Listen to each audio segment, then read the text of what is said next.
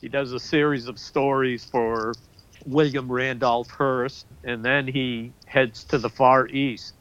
And it's uh, during this foray, what he called his, his round the world tour, that he's captured by bandits, held for ransom, and then shot. Welcome to Spionpodden.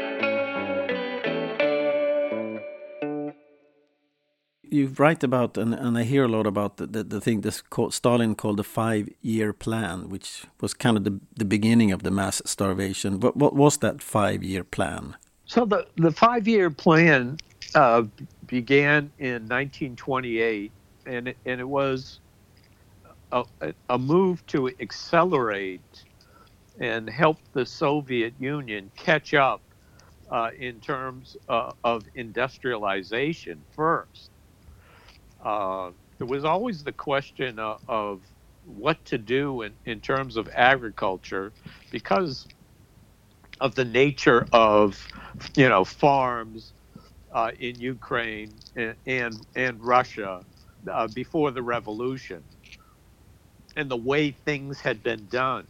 The use of livestock uh, things were not very mechanized.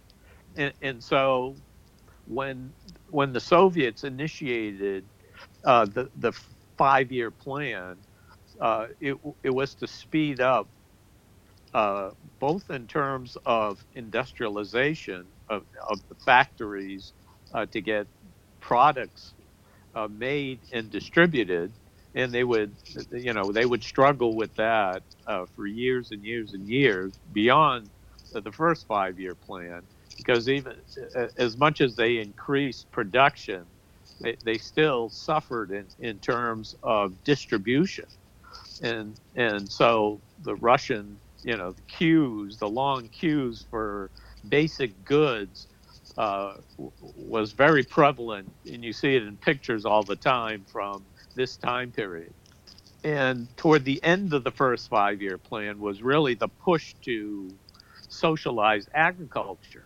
I mean, agriculture had been almost uh, in the in the 20s what was called the new economic plan, where they could barter and they could exchange, you know, goods uh, for other goods, and and hold their their own little markets with with no real control, uh, and uh, Stalin wanted to to end that, yeah. end the NEP and institute socialization uh, of agriculture and, and the direction they went in in terms of large collective farms, uh, large, super large state farms.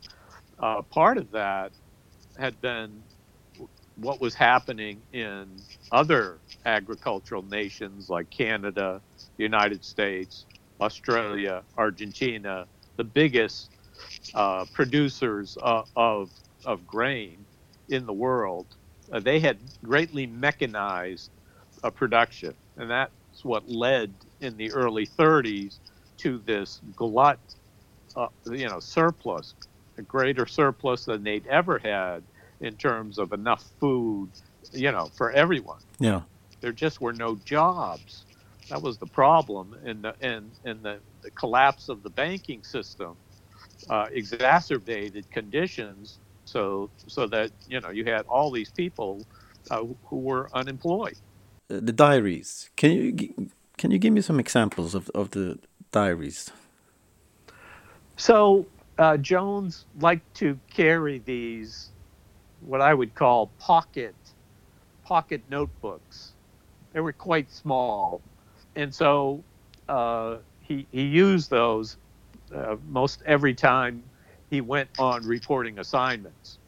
And what happened was that when uh, Gareth's family, when his aunt uh, was finally moved out out of uh, the family home, they discovered a suitcase full of these notebook diaries. Oh.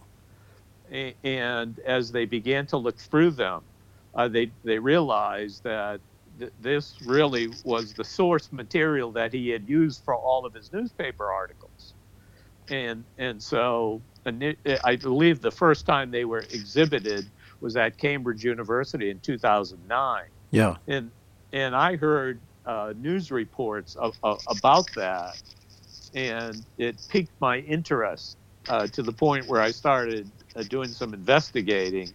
Uh, but I didn't really get very far until I I found uh, Jones mentioned in Timothy Snyder's uh, hi- history uh, called Bloodlands. Okay. And in the first chapter, he talks about this young reporter Gareth Jones reporting on the on the famine, and all of a sudden everything clicked for me, uh, and I was I was on my way.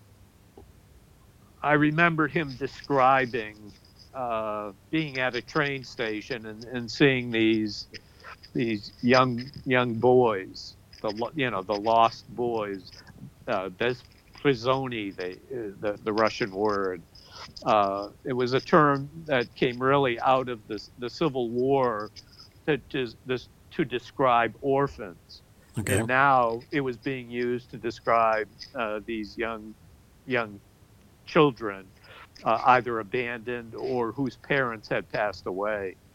Uh, and he sees them in in a train station uh, being being carted away, and and just could tell they were ravaged by typhoid, uh, swollen bellies, uh, spindly legs, hmm. uh, and, and, the way he described them, uh, I found just uh, totally moving.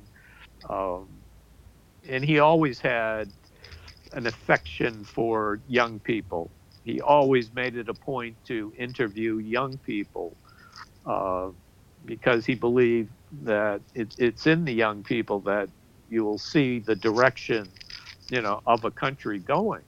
The the more I, I hear you and the more we talk about this, I just don't really. I mean, this uh, was a genocide. Um, the Holodomor uh, whole situation was, was genocide, and um, and still nobody has ever been.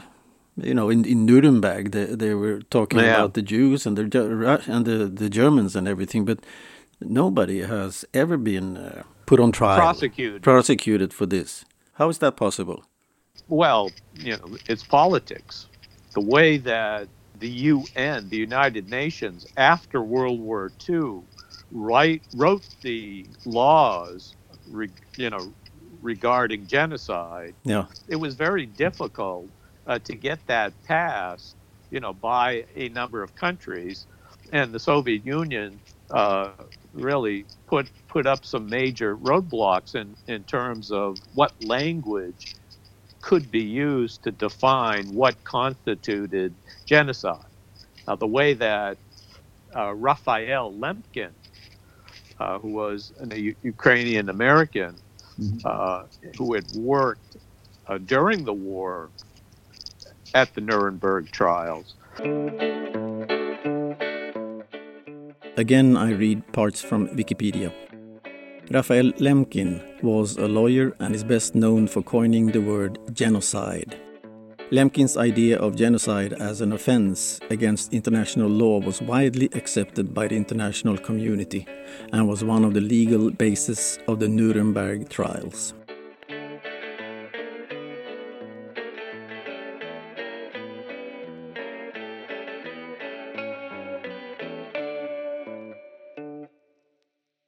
When he drafted the, the first resolution of what constituted genocide, uh, he had ver- he had great difficulty getting the UN to to agree to that particular definition. Okay. And so that uh, it it quickly became politicized. Uh, only 19 nations have recognized what happened uh, in Ukraine as genocide. Still. Yeah.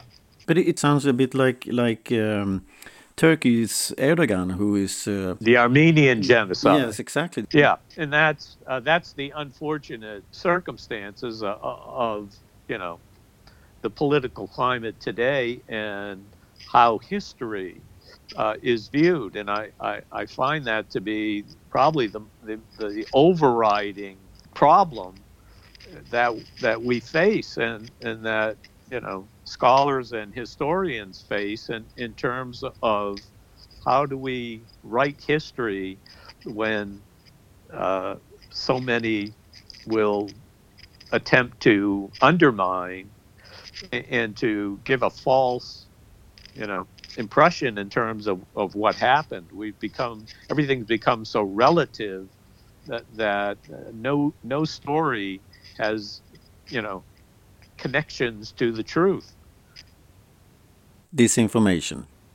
Yes, yeah, we live in that post-truth era uh, where, where it, it's one lie after another.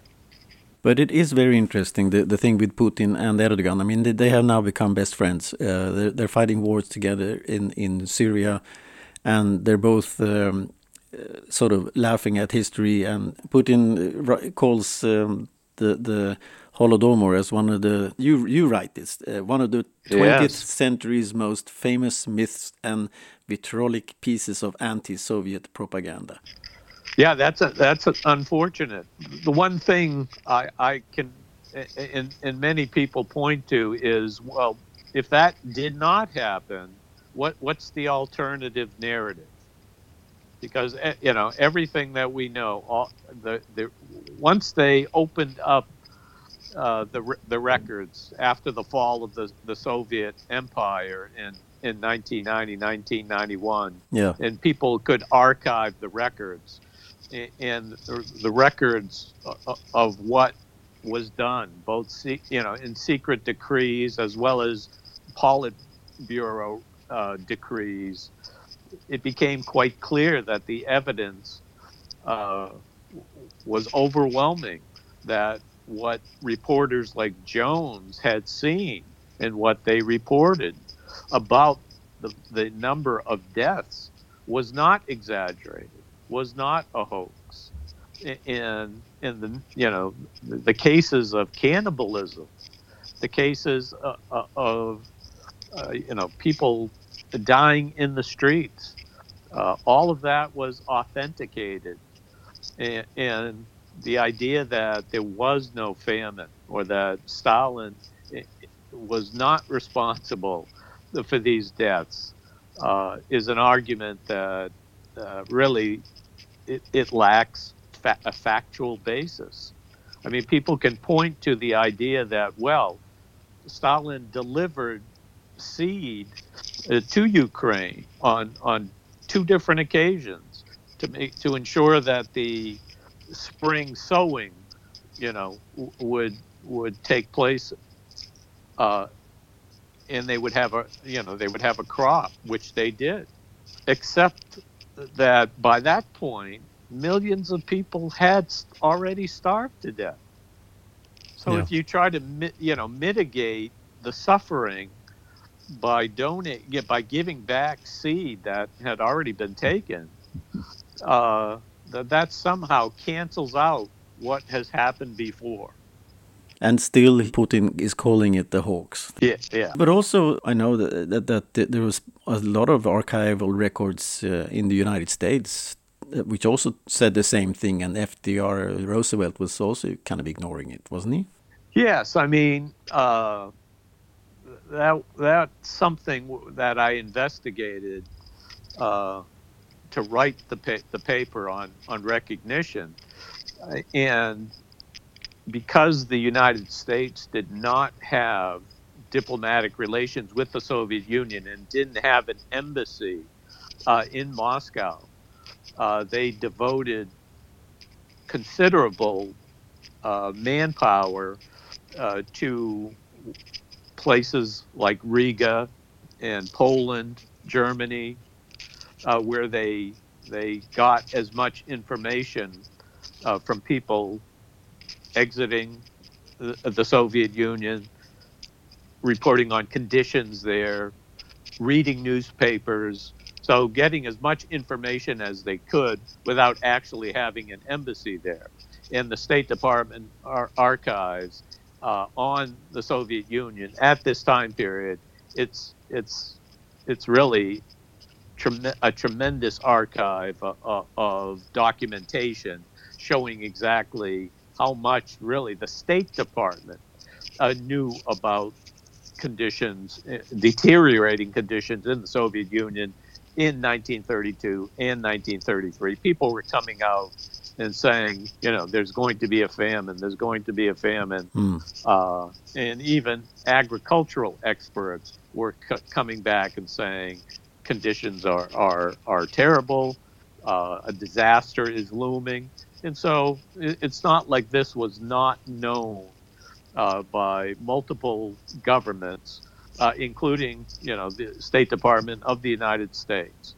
Uh, how much that was communicated to Roosevelt himself, uh, there's not a, a tremendous amount uh, of uh, evidence uh, to support that. No.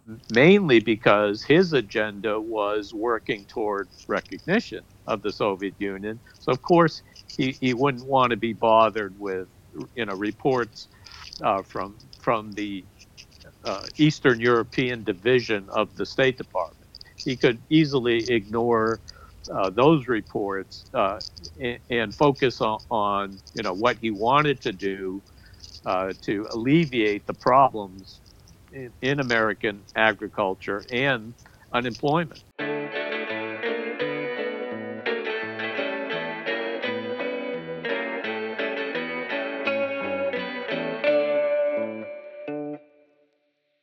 every time I hear sad stories like these, I, I my my head starts to spin. And and but um, the Duranty discourages Gareth Jones quite a lot. Uh, I mean, they were kind of well, they were polarizing uh, each other uh, during the reporting. But what what happened at the end? Uh, for, for Jones, he you know when he comes out of of the Soviet Union, uh, he goes back to Germany and he, he does another series of reports on on really the uh, Nazi dic- dictatorship uh, taking hold in, in Germany, and that gives him considerable uh, pause because you know he he, he basically had uh, many acquaintances and, and, friends in Germany. Uh, he had traveled there at least once every year since 1923 uh, and you know he was very he was very fond uh, of German neatness, uh, German love of culture. It it suited his temperament, mm-hmm. and so what he saw happening, it gave him, you know, grave concerns uh, in terms of the fanaticism he saw in in the Nazis, and he compared uh, that fanaticism, that idealistic fanaticism, and and how it could really turn destructive. Uh, and he compared the Nazis to the Bolsheviks again as uh, different sides, but uh, fearing from each side that the ardor that they brought to their ideology uh, would result in in almost certain war. You know, he was predicting in 1933 that uh, things were were you know dark storms were gathering, uh, and and nothing was working in, in terms of settling differences between countries as a result of really the failure of the Treaty of Versailles he predicts war and he predicted that it would be fought, you know, a lot in the air, uh, and the the importance of, of air flight uh, w- would dictate how that war was going to be fought, and he was he was absolutely correct about that. Well, he certainly acquired a lot of enemies, and and then he uh, gets shot in China the following year, right? In in 35, uh, in 34, uh, Jones covered, uh, uh, he, he went to Ireland. hmm Uh, he went back to, to Germany, and then he, he headed to the United States. Uh, and he, he's in the United States uh, by November of 1934 to cover the election. Uh, he travels out to the West Coast. He does a series of stories for William Randolph Hearst, Yeah. Uh, and and then he heads to the Far East, where he's to write about uh, Japanese incursions into Manchuria, hmm and it's uh, during this foray, what he called his, his round the world tour, that he's captured uh, by bandits, uh, held for ransom, uh, and then shot uh, on on the day before he would have turned uh, thir- 30 years old. He certainly was an uncomfortable um, journalist, and and uh, I'm sure a lot of people uh, were not that sad to see him uh, disappear. Yeah, it's it's really an unfortunate uh, story in, in terms of somebody who who real, really was uh, quite knowledgeable about you know world affairs. He had he had met all of the leading uh, political figures. Uh, he was quite quite a brilliant linguist. Uh, he he moved very easily uh, with all kinds of people. Mhm. His his heart was for you know the common people, workers, uh, and he he wanted to make sure that his reporting uh, showed the effects of decisions being made and how it impacted on uh, the, the the many many poor people at, at this time during really what was the great financial depression uh, of the 20th century. To me, that was really what drove uh, his journalism uh, was was to bring that to light, and uh, he he certainly he certainly did that uh, in, in and accomplished so much in such a brief time. But what happened to Duranty then? I mean, he he, he lived on, didn't he? Duranty definitely did did live on. He en- ended up uh, moving to the United States, Mhm. uh, living in, in Florida, writing his memoirs, and in uh, those memoirs, uh, he fully admits uh, that mass starvation had occurred in 1932-33, uh, killing millions of people, and so it adds to the duplicitous nature of of, of him and his reporting uh, in in terms of well, yeah, you admit it now, but at the time he he started the entire famine denial uh, movement in, in, in that has continued, uh, you know, through the course of time. Okay, I'm going to read a few sections from Ray Gamache's book, Gareth Jones, Eyewitness to the Holodomor. In August 1935, Gareth Jones was kidnapped by bandits in China. One of the many mysteries surrounding Jones's death was the fact that the vehicle he was kidnapped from belonged to persons associated to the NKVD. The functions of the OGPU, the secret police organization, were transferred to the NKVD in 1934, giving it monopoly over law enforcement activities that lasted until the end of World War II. During this period, the NKVD included both ordinary public order activities as well as secret police activities. The NKVD is known for its role in political repression and for carrying out the Great Purge under Joseph Stalin. It was led by Genrik Yagoda, Nikolai Yezhov, and Lavrentiy Beria. One day before Gareth Jones would have turned 30 years of age, the most reliable eyewitness of the Holodomor of 1932 to 1933 was eliminated and effectively silenced. His articles, like the famine itself, languishing in obscurity for more than 70 years. Finally, here's a passage that I think sums Professor Ray Gamache's current work effectively and succinctly. 19 nations have recognized the Holodomor as genocide. Yet this most monstrous crime against humanity has not the same connotative resonance that Auschwitz or the Holocaust has. Perhaps that is because from the very beginning the Soviets and Stalin denied that there even was a famine, and those denials were parroted by Western journalists like Fischer and Duranty, by diplomats like Herriot, and by celebrities like George Bernard Shaw.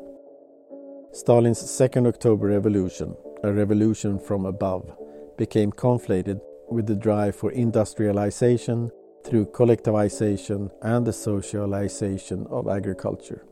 Conditions that existed 80 years ago should not confuse us today.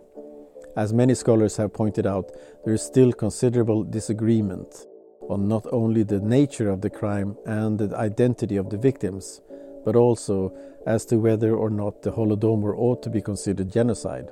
As Roman Serbyn has noted, traditional famine denial has been updated to famine genocide denial, but the essence of the ideological trappings is the same. Today's famine genocide deniers are the spiritual heirs of the first famine deniers, Stalin and those who helped him carry out the most heinous of crimes against the Ukrainian nation or to deny its existence.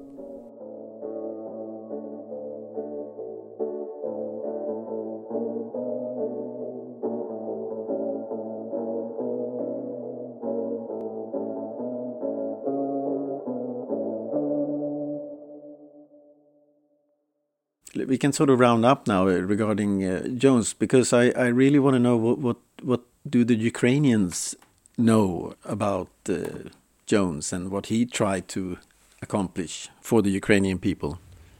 Yeah, I mean that's been uh, fairly well documented. Uh, in two in in the in the early 2000s, uh, Ukrainians really took an interest in Jones's reporting. And as more and more came to light, uh, they recognized eh, that his reporting served uh, as eyewitness testimony uh, to what had happened. Mm-hmm. And and so, uh, really, Jones was not the only journalist to report about famine in, in Ukraine many other reporters did stories as, as well. Uh, Jones just became more visible uh, be, because uh, of the way that his work resurfaced uh, in, in, in 2006 and 2007, 8, 9, when the diary notebooks were first exhibited uh, at uh, Cambridge University.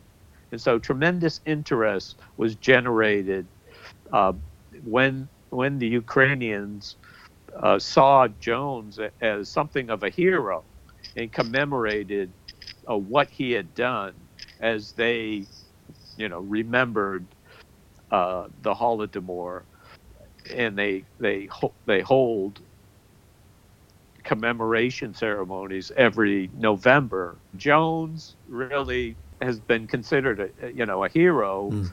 at least since 2006 when they placed a plaque back in Aberystwyth uh, written in Ukraine, English, and Welsh, uh, thanking him for his reporting uh, of of the famine uh, and for really helping Ukrainians to remember what happened.